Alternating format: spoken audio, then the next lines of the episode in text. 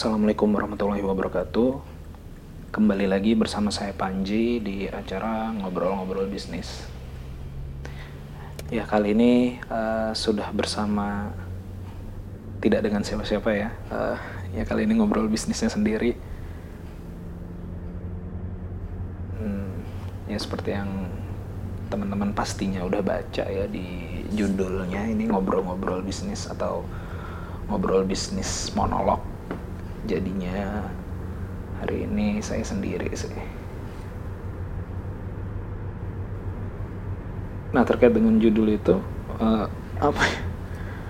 Uh, eh, gue suka ngerasa gue suka ngerasa agak aneh sih sama apa youtuber youtuber atau video-video yang ada di YouTube lah ya.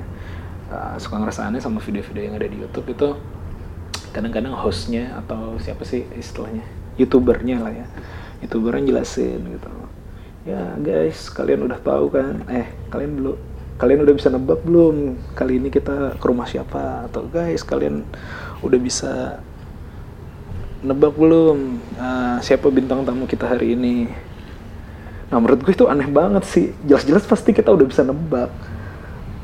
Karena kan ada judulnya jadi di judul kan udah tulisin oh iya ini lagi bintang tamunya adalah atau interview dengan si A. Atau apa sih cara yang itu tuh gerbek rumah si A gitu. Nah ketika entah apa ya maksudnya tujuannya si hostnya itu untuk jelasin lagi oh, kalian udah bisa nebak belum? Siapa ini? Ya udah pastilah orang ada judulnya. Nah makanya ini juga kayak gitu ya ini judulnya monolog. Jadi uh, ya monolog aja ya karena ini video pertama mungkin masih banyak eh video apa namanya ya karena ini ngerekam pertama kali mungkin masih banyak salah-salah ngomong lah ya uh, tolong dimaklumi. Jadi rencananya atau konsepnya adalah uh, ya ngobrol bisnis yang standar adalah ngobrol bisnis dengan bintang tamu atau dengan narasumber tertentu yang kayak selama ini udah gue lakuin. Nah kalau yang ini adalah konsepnya adalah uh, ya monolog monolog gue ngebahas tentang suatu bisnis atau suatu fenomena bisnis uh, dari perspektif gua atau fenomena sosial juga bisa sih fenomena sosial dari perspektif bisnis itu juga uh, unsur bisnisnya nggak pengen gua hilangin sih karena memang kan konteksnya ini uh, podcast ngobrol bisnis ya Nah, kenapa tiba-tiba kepikiran bikin kayak gini? Sebenarnya triggernya tuh kemarin. Jadi ada dua trigger sih yang bikin gue coba bikin uh, apa namanya ngobrol bisnis versi monolog. Ya kemarin banget. Ini sekarang ini tanggal 28 28 Juni ya 2019 jadi kemarin Kamis uh, itu ceritanya gue lagi nge-mentor anak-anak SBM anak-anak SBM ITB uh, S2 nya uh, nge-mentor tentang bisnis lah. Karena mereka ada mata kuliah yang di kampusnya itu mewajibkan untuk mentoring uh, ke beberapa mentor di Bandung gitu nah termasuk salah satunya gue nah di di acara nge-mentor itu atau acara mentoring itu uh, ada salah satu anak ada salah satu peserta gitu ya ada salah satu peserta yang nanya suatu hal gitu tentang spesifiknya sih tentang bisnis B2G ya atau bisnis uh, dengan berbisnis dengan government gimana sih bla bla bla gitu. Nah, ketika jelasin atau di akhir jelasin uh, gue ngerasa oh iya kayaknya itu penjelasannya gue ada referensinya deh di blog gue gue pernah nulis tentang gimana cara dealing dengan government lah pada intinya kayak gitu. Gimana cara dealing dengan government dan segala macam jadi ketika di akhir penjelasan gue pengen ngasih uh, link lah. Gue pengen ngasih link kalau kalau kalian mau jelasnya baca nih artikel gue pernah nulis gitu. Jadilah gue buka tuh blog gue kan. Blog gue gue cari-cari eh ternyata uh, apa nggak ada tulisan itu gitu. Pas gue cek uh, eh, gue login di dalamnya gue kan pakainya WordPress ya. Jadi ternyata postingan itu masih sifatnya masih draft. Masih draft. Jadi tulisannya belum selesai gitu. Tulisannya belum selesai jadi belum gue publish masih draft. Uh, dan gue lihat ternyata memang banyak apa gue lihat lagi post halaman post itu ternyata ada beberapa tulisan yang judulnya udah gue bikin openingnya udah gue bikin tapi belum selesai gue tulis gitu. Nah gue ngerasa jadi kayaknya uh, sayang aja gitu uh, bahan diskusinya atau dis, uh, apa ya bahan diskusinya atau sesuatu yang gue pikirkan nanggung gitu nggak keluar. Karena karena kayaknya nulis tuh susah sekarang gitu ya. Uh, entah karena waktunya atau apa ya kayaknya nulis tuh pekerjaan yang jadi lebih serius gitu. Kalau dulu kayaknya lancar-lancar aja nulis gitu. Kalau sekarang tuh kayak baru nulis sebentar banyak distraksi atau memang apa ya uh, jadi lebih lebih lambat gitulah entah kenapa.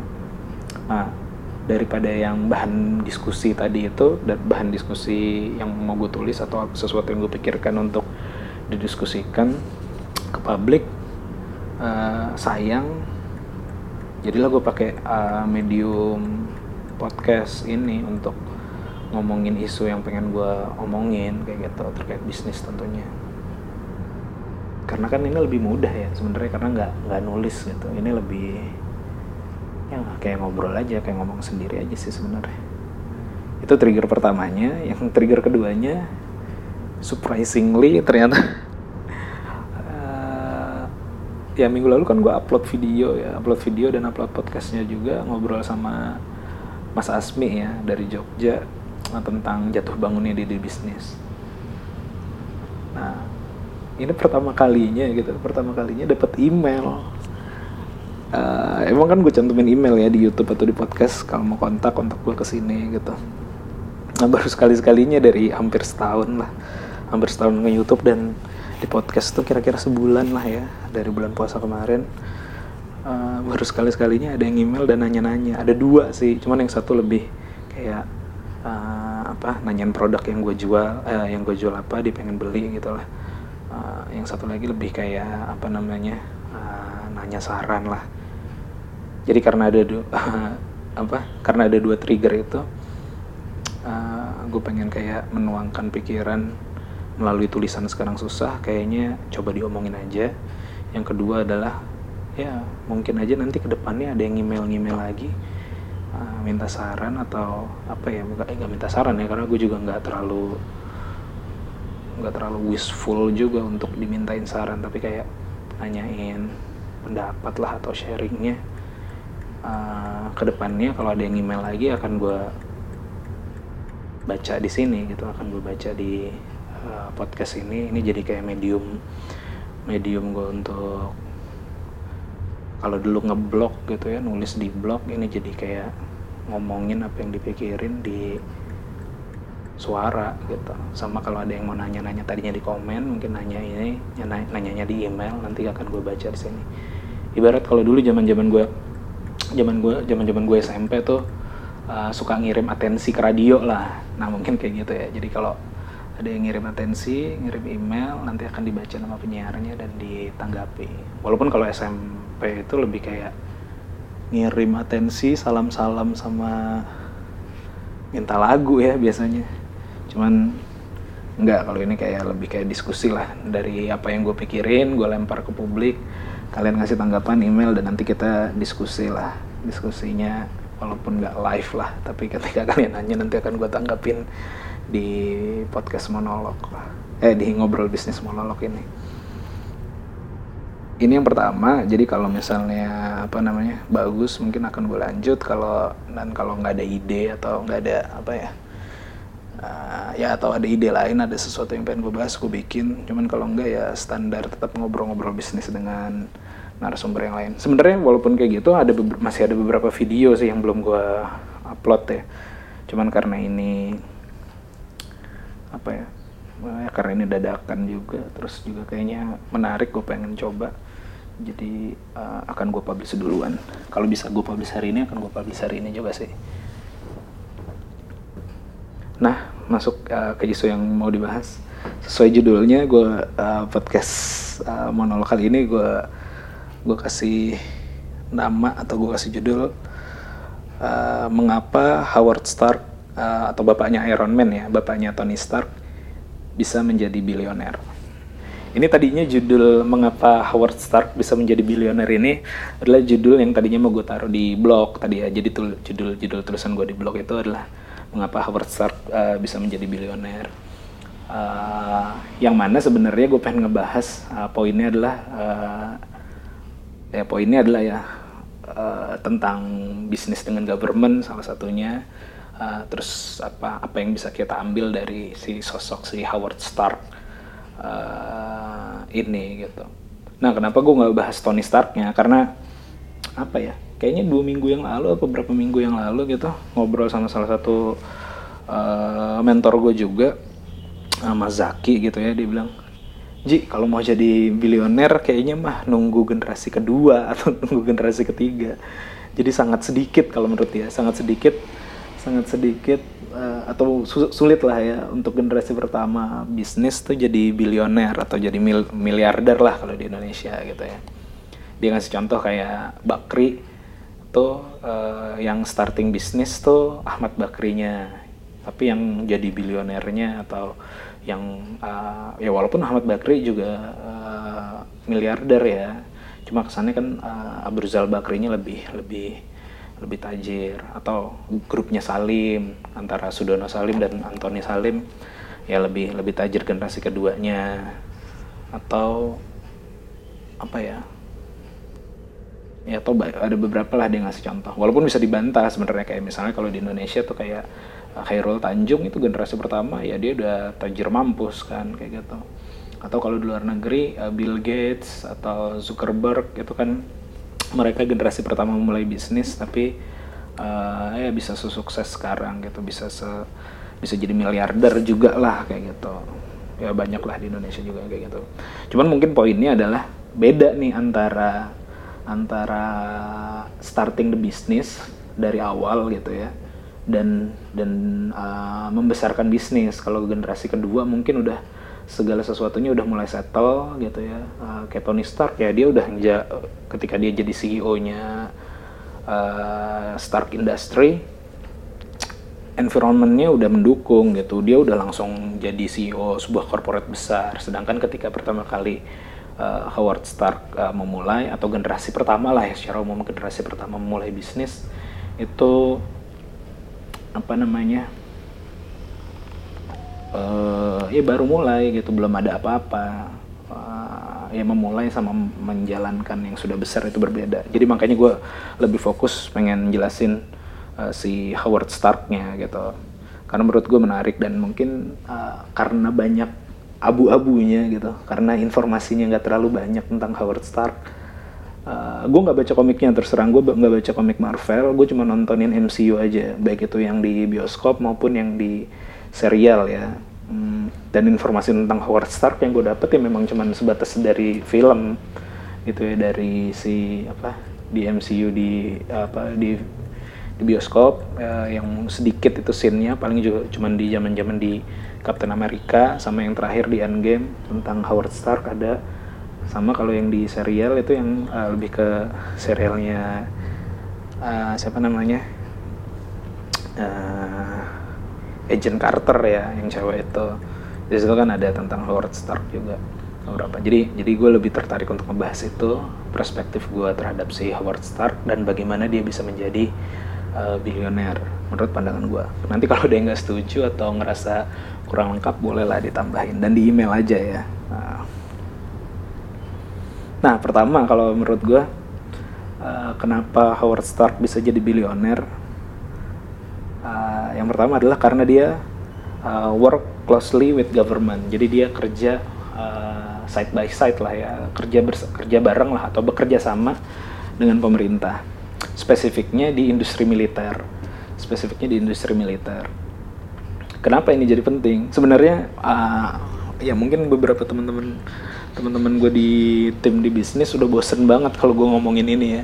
Jadi ada satu buku sebenarnya buku tahun 2016 apa 2017 gitu gue lupa. Pokoknya ada buku 2016 betul 2007 uh, atau 2017 uh, eh, yang nulis Steve Case. Steve Case tuh foundernya uh, AOL American Online. Uh, dulu sebelum ada uh, Yahoo Messenger bahkan orang tuh pakai AOL lah untuk internet untuk chatting ya untuk untuk email untuk email dan chatting segala macam dia tuh menulis buku yang judulnya uh, Third Wave of Entrepreneur. Jadi kayak uh, apa masa depan entrepreneur kayak gimana sih di gelombang ketiga gitu ya di gelombang ketiga entrepreneur seperti apa. Lebih ke gelombang ketiga internet sih karena dia menyoroti dia menganggap gelombang pertama tuh zaman zamannya Apple, IBM, uh, eh, termasuk AOL berdiri, zaman zaman uh, gelombang keduanya adalah ketika mulai Google berdiri, Facebook berdiri lebih ke konten dan nanti di next next phase-nya atau di gelombang ketiganya uh, itu nanti lebih ke ya masa sekarang dan ke depan bagaimana Internet of Things dan dan lain-lain lah kayak gitu. Nah kalau di buku itu dibilang tuh memang zamannya berulang dan ketika di awal-awal atau sebenarnya kalau disoroti dengan lebih makro gitu uh, dia berpendapat lo kalau mau ngerubah dunia atau ngerubah suatu atau bikin suatu teknologi atau bikin suatu bisnis yang bisa bisa apa namanya bisa breakthrough lah bisa bisa bisa apa ya disruptif lah kalau bahasa sekarang adalah lo kerjasama dengan government gitu salah satunya. Karena ketika lo kerjasama dengan karena government kan tidak terlalu dalam tanda kutip mengharapkan return uh, dengan cepat. Jadi teknologi atau bisnis yang dikerjakan oleh government memang long term, yang jangka panjang, yang mungkin bisa ngerubah dan government punya kemampuan untuk uh, bikin rule-nya. Jadi ketika suatu teknologi atau suatu industri atau suatu bisnis di create dan belum ada rule-nya, dia bisa bikin rule-nya sekalian. Kurang lebih gitulah bukunya si Steve Case itu yang makanya itu juga jadi trigger gue uh, ya kadang-kadang walaupun agak capek ya kalau kerja di dengan uh, government kalau di Indonesia nah cuman ya tetap coba kerjasama lah kita bangun kerjasama yang baik dengan pemerintah agar ya siapa tahu ada satu dua yang inisiatif yang kita lakukan bersama bisa berdampak lebih panjang gitu sih. Nah baca lah pokoknya kalau kalian pengen lebih tahu tentang uh, apa ya kriteria third wave entrepreneur gitu ya baca bukunya Steve Case buku lama. Udah ada terjemahannya juga sih di Indonesia. Uh, cuman walaupun ada beberapa teks yang kurang kurang tepat ya kalau di terjemahan itu. Oh iya balik lagi ke yang tadi. Jadi menurut gue kenapa kenapa apa namanya kenapa Howard Stark bisa jadi billionaire? Yang pertama karena dia kerjasama dengan pemerintah. Work closely lah bukan cuma kerjasama pengadaan atau apa tapi memang benar-benar membangun misi dan visi bersama gitu khususnya di industri militer. Nah, ini kaitannya sama yang temen uh, yang uh, anak-anak apa peserta mentoring gue tanyain minggu lalu apa kemarin ya. Yang peserta mentoring gue tanyain kemarin itu uh, apa ya? Ya kaitannya dengan market government sih. Market government itu market yang besar. Militer itu market yang besar. Dan saat ini gue lihat kalau uh, kita lihat zaman sekarang ya di Indonesia startup yang main di government atau startup yang main di militer so, sangat sedikit. Sedangkan kalau dilihat, dilihat di luar negeri tuh, bahkan gue sempat sharing ke ada teman gue di land, uh, ada ini bahkan kalau di luar negeri tuh udah ada uh, apa venture capital yang melakukan pendanaan khusus untuk GovTech ya government teknologi untuk startup di yang bergerak di government teknologi atau di defense uh, industry gitu ya di di industri pertahanan militer kayak gitu ya udah ada spesifik. Sedangkan di Indonesia kan startupnya belum ada uh, ya gimana bisa ada venture yang mau mendanai startup di bidang itu? Karena karena apa namanya? Ya startupnya sendiri belum ada belum engah lah. Makanya kemarin gue juga sebenarnya semi mendorong lah kalau teman-teman uh, mau mulai bisnis uh, dengan pemerintah atau militer ya bisa dilakukan. Karena uh, ya siapa tahu itu jadi next big thing lah kalau di Indonesia. Nah balik lagi ke Howard Starknya uh, ya menurut gue itu uh, salah satu kunci kenapa sih Howard Stark bisa jadi uh, bilioner. Karena dia kerja dengan pemerintah dan main di industri militer atau industri pertahanan. Ya sama-sama kita ketahui atau atau paling nggak udah banyak lah beredar di internet itu adalah uh, apa anggaran pemerintah Amerika Serikat di bidang uh, pertahanan dan militer itu gede banget gitu. Kalau nggak salah mencapai 300 atau 400 mil, uh, billion ya 400 billion US dollar gitu. Berarti 400 triliun gitu. Nah, kalau di Indonesia kan mungkin udah ribuan triliun ya berarti ya. Ribuan triliun uh, rupiah gitu. Anggarannya gede banget dari pemerintah Amerika. Dan apa namanya uh, kalau nggak salah itu setara kayak kan itu diperingkatin ya kalau kalau nyari grafiknya itu di internet itu di di apa namanya diperingkat diperingkatkan lah si negara-negara dengan defense budget terbesar. Nah Amerika itu defense budgetnya nomor satu dan besarannya setara dengan tujuh atau enam negara di bawahnya gitu.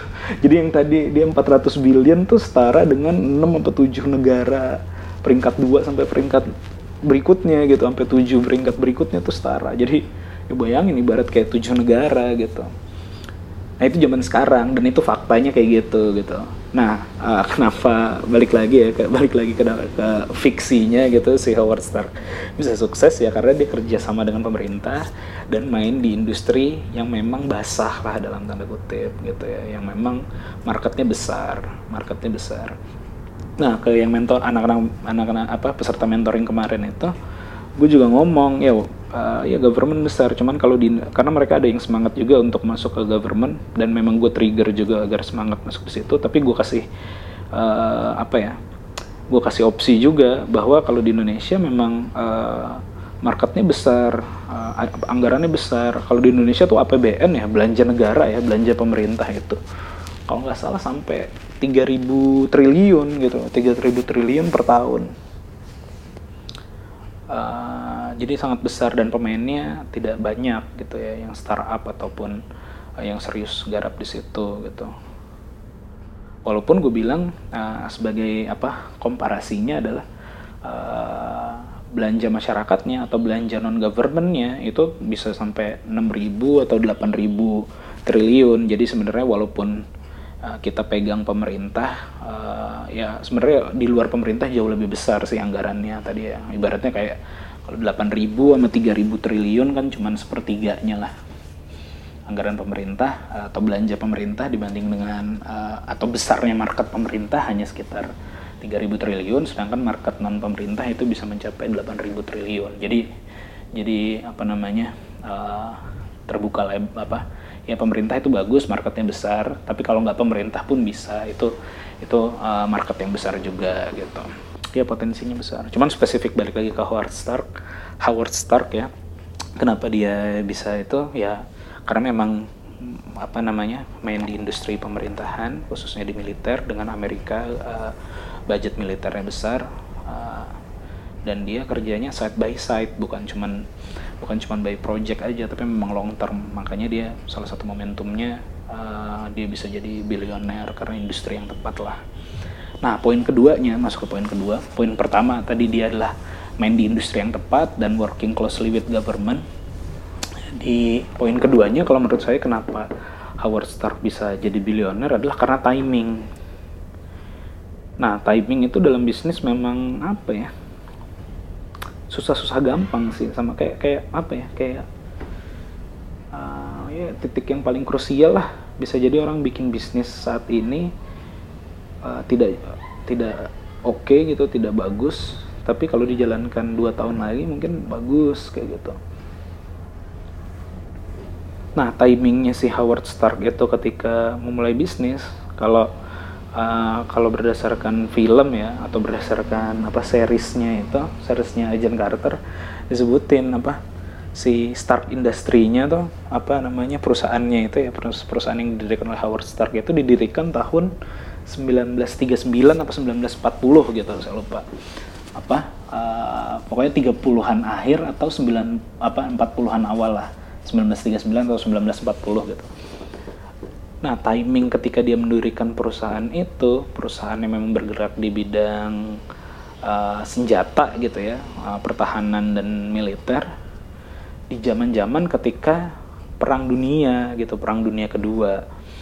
Makanya nggak nyampe lima tahun ya kalau di seriesnya tuh kelihatan gitu tahun tahun berapa uh, tahun 39 dia ngediriin gitu dan after atau post post uh, setelah Perang Dunia Kedua gitu ya, setelah Perang Dunia Kedua uh, tahun 45 gitu, tahun 45 46 Howard Stark udah jadi kayak bilioner gitu, udah dia kerjanya uh, jadi playboy lah, party di mana-mana dan segala macem gitu.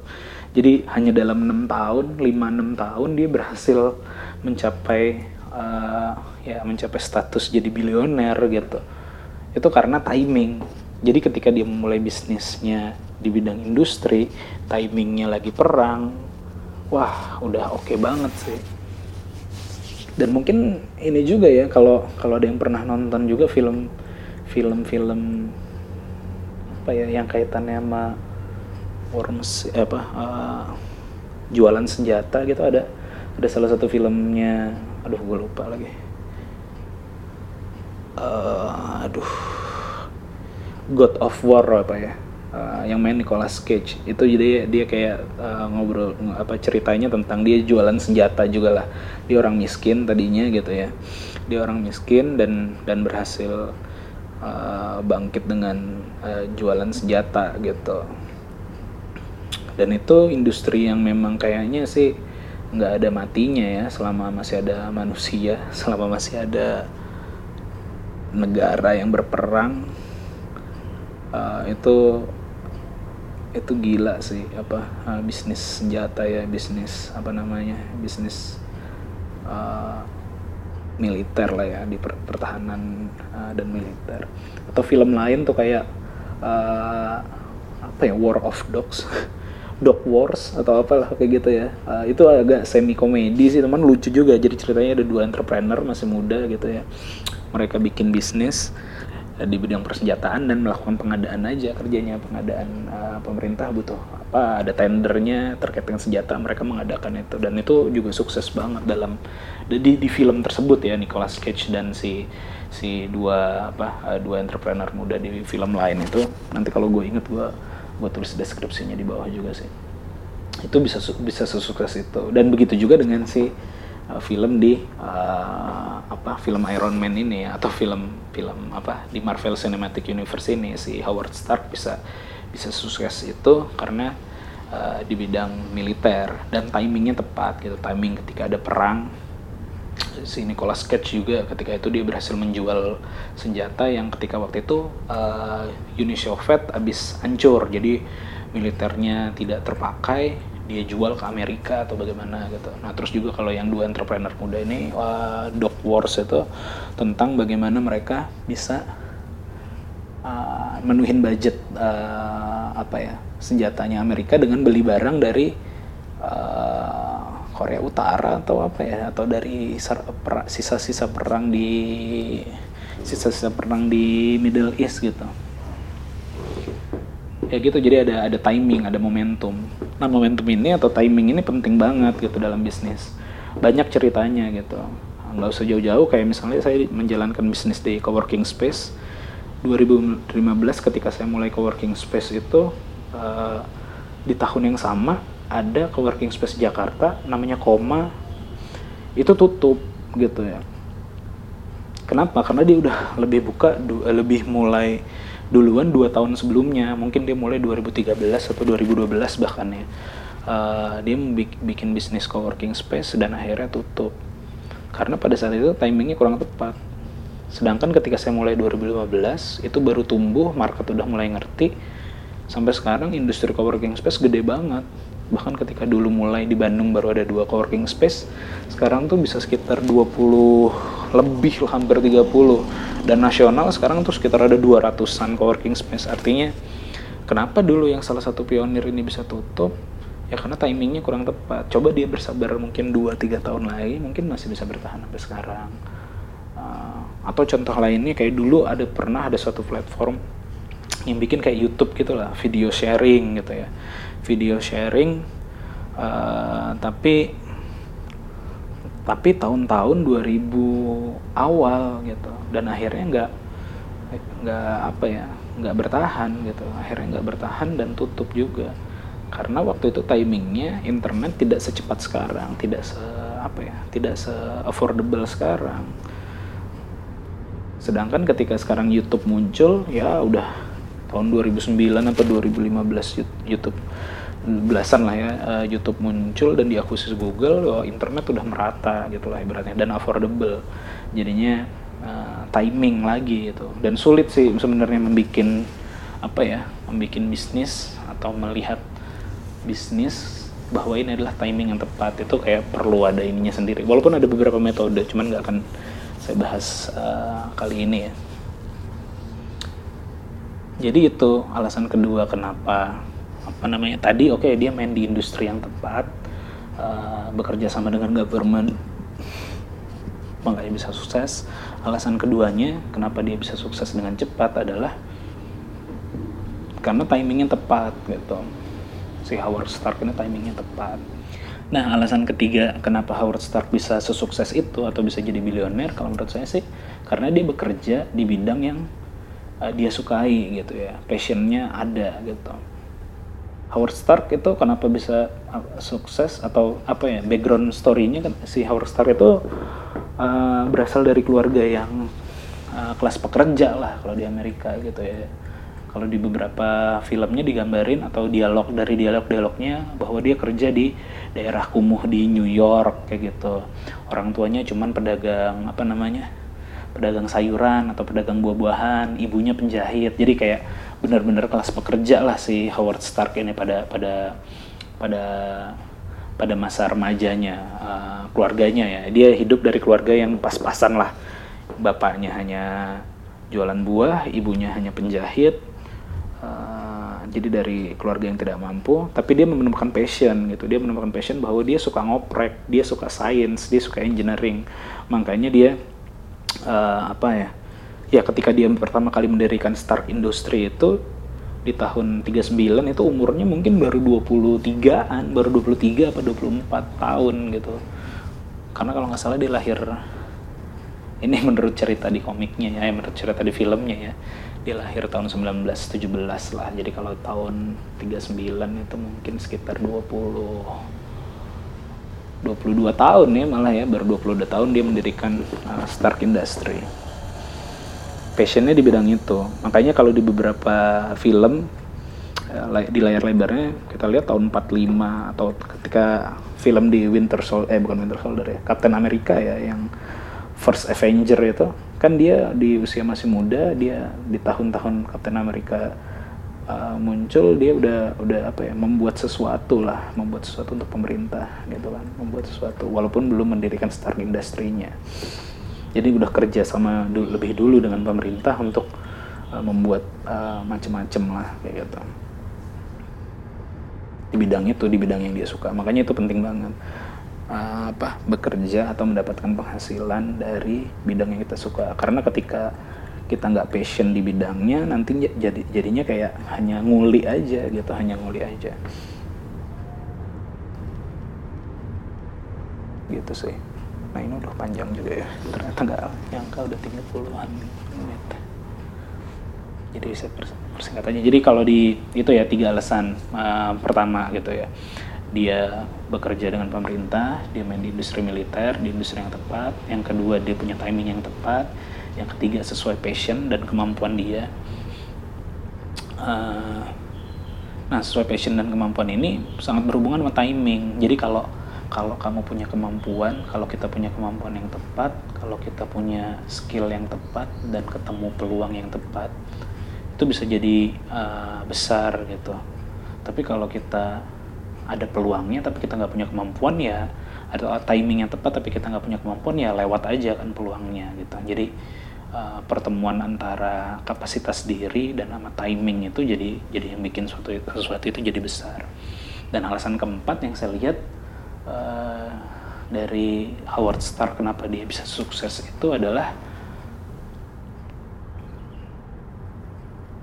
karena dia pekerja keras gitu ya karena dia pekerja keras jadi kombinasinya industri yang tepat, passionate oke, okay, timingnya oke, okay, dan dia bekerja keras. Bahkan kalau dilihat ya di film Endgame yang terakhir itu, eh apa Avenger yang terakhir yang Endgame, uh, Tony Stark ketika balik ke masa lalu kan ke tahun 70-an, itu berarti kan kalau dihitung-hitung mungkin umurnya Howard Stark itu 40 mungkin ya atau 50-an lah. Pokoknya uh, berapa lah dan itu ya udah jadi bilioner udah mungkin 10 tahun atau 20 tahun tapi dia masih kerja dengan pemerintah masih ngoprek gitu masih ngoprek di lapangan. Bahkan di beberapa film kan di, diceritakan bahwa hubungan dia dengan si Tony kurang dekat gitu kan. Tony ngerasa bapaknya sibuk dan segala macem. Artinya dia kerja keras gitu. Jadi ya jadi untuk membangun empire-nya dia bekerja keras. Untuk mempertahankan empire eh, itu bekerja keras. Dan bisa memberi legacy ke Tony uh, perusahaan yang besar gitu. Jadi ya kayaknya sih itu ya empat kuncinya ya. Empat empat alasan mengapa uh, Howard Stark bisa jadi bilioner. Ya itu aja sih. Uh, uh, oh iya. Uh, kalau ada yang mau diskusi silakan aja nanti di email ke saya Nah, nanti kita bahas kalau misalnya nggak nggak nggak setuju dengan pendapatnya, oke okay, kita diskusiin. Kalau misalnya rasanya kurang, oke okay, kita tambahin. Uh, open lah. Dan seperti yang saya bilang di awal tadi ini ada uh, salah satu email ya dari dari yang mungkin dengerin saya di YouTube atau di Spotify atau di podcast gitu ya. Uh, dari Hairil Anas dari Lampung ya Nah email lagi nih Assalamualaikum Bang Panji, Bang Asmi. Nah ini seperti saya bilang dia kayaknya ngeliat video saya sama Asmi ya. Terima kasih atas sharingnya, saya sudah nonton videonya. Perkenalkan saya Eril Anas ah, Nah ini saya juga sedang bisnis di bidang pertanian Dan saat ini sedang gagal panen. Namun saya sulit menjelaskan ke investor. Tipsnya bagaimana ya? Lalu apakah boleh juga minta ya kontaknya Bang Asmi? Terima kasih ya. Uh, Nah, saya jawab di sini aja ya, uh, Hairil Anas ya. Kalau kontaknya Bang Asmi sih bisa lihat di Instagram aja, cek di Instagram saya. Di video terakhir tuh nanti kayaknya saya, saya kalau nggak salah saya tag juga uh, ke Mas Asmi-nya. Nanti bisa di kontak via Instagram dia open kok. Kalau ada yang mau nanya-nanya. Karena dia juga mentor ya, dia mentor di di Jogja, di di JDV dan juga dan juga di Backcraft dia juga jadi mentor. Nah, lalu terkait dengan ini ya, bisnis di bidang pertanian sedang gagal panen, sulit menjelaskan ke investor. Tipsnya bagaimana? Ya, sebenarnya tipsnya diomongin aja ya, namanya namanya uh, bisnis kan, uh, bisnis kan industri atau apa ya? Uh, resiko investasinya tinggi ya.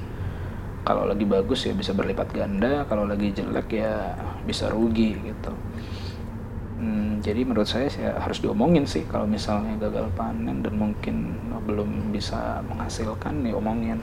Karena kalau nggak diomongin ntar malah jadi perkara kan. Ada temen juga kasus anak ITB juga gitu mau bikin bisnis pertanian juga kalau nggak salah. Uh, kayaknya investasinya atau apa lahannya gagal lah atau apa tapi ngilang gitu nah terus jadi rame kan di grup tuh di forum-forum di Facebook apa segala macam di apa namanya di mention di jadi namanya udah jelek. Padahal kan ya uh, kalau diomongin baik-baik atau paling nggak diceritain apa sebabnya terus apa komitmennya. Nah kalau yang dari Mas Asmi kemarin kan juga salah satu poin penting adalah komitmennya kan bagaimana komitmen dia. Walaupun tidak ada uang gitu tidak ada uang tidak ada pekerjaan tapi dia komitmen dia untuk menyelesaikan hutangnya atau menyelesaikan uh, apa ya tanggungannya ke investor tuh ada. Kayaknya tuh harus diomongin sih uh, gagal panennya seberapa uh, terus strategi kamu ngebalik ngebalikinnya gimana kalau memang memang apa ya di perjanjiannya tidak bagi untung dan bagi rugi tapi hanya bagi untung atau pinjaman ya. Misalnya kalau berupa pinjaman ya strategi kamu gimana diomongin. Saya rasa sih kalau personal ya kalau orang mah lebih bisa diomongin ya dibanding misalnya kalau ke bank kan mungkin akan sita-sita dan segala macam. Teman kalau orang ya pasti terbuka sih. Ada masalah tinggal diomongin kekurangannya gimana strategi kamu mensolusikannya gimana. Asal jangan kabur karena kalau kabur kan ya bisa jadi dipolisikan bahkan atau bisa jadi di apa ya nama baiknya jelek. Apalagi mungkin kalau masih muda ya usianya masih panjang kan maksud hanya karena hanya karena satu hal kita gagal bayar nama baiknya jelek nanti ke depannya akan terus-terusan jelek. Jadi harus diomongin lah intinya bagaimanapun caranya. Bagus kalau udah punya strategi kalau belum ya paling nggak terbuka aja dulu nanti kita akan cari solusinya bareng-bareng gitu. Karena kalau dari sudut pandang investor ya tentunya lebih ya pasti misalnya kalau pinjaman pengennya dibalikin. Dan kalau ngelaporin ke polisi ya pasti nggak akan balik sih. Jadi pasti dia open lah gimana ya caranya ya biar uang saya bisa balik uh, kamu nggak masuk penjara atau apa kayak gitu ya. Jadi jadi intinya harus diomongin lah bagaimana bagaimana caranya. Hmm, menurut gue sih gitu. Oke gitu aja kayaknya. Ini untuk podcast pertama cukup lama ternyata empat hampir 40 menit mungkin ya. Uh, 30-an ya 34 menit. Nggak nyangka bisa ngomong sepanjang ini juga. Hmm, terima kasih yang udah dengerin sampai akhir. Sekian dari saya. Assalamualaikum warahmatullahi wabarakatuh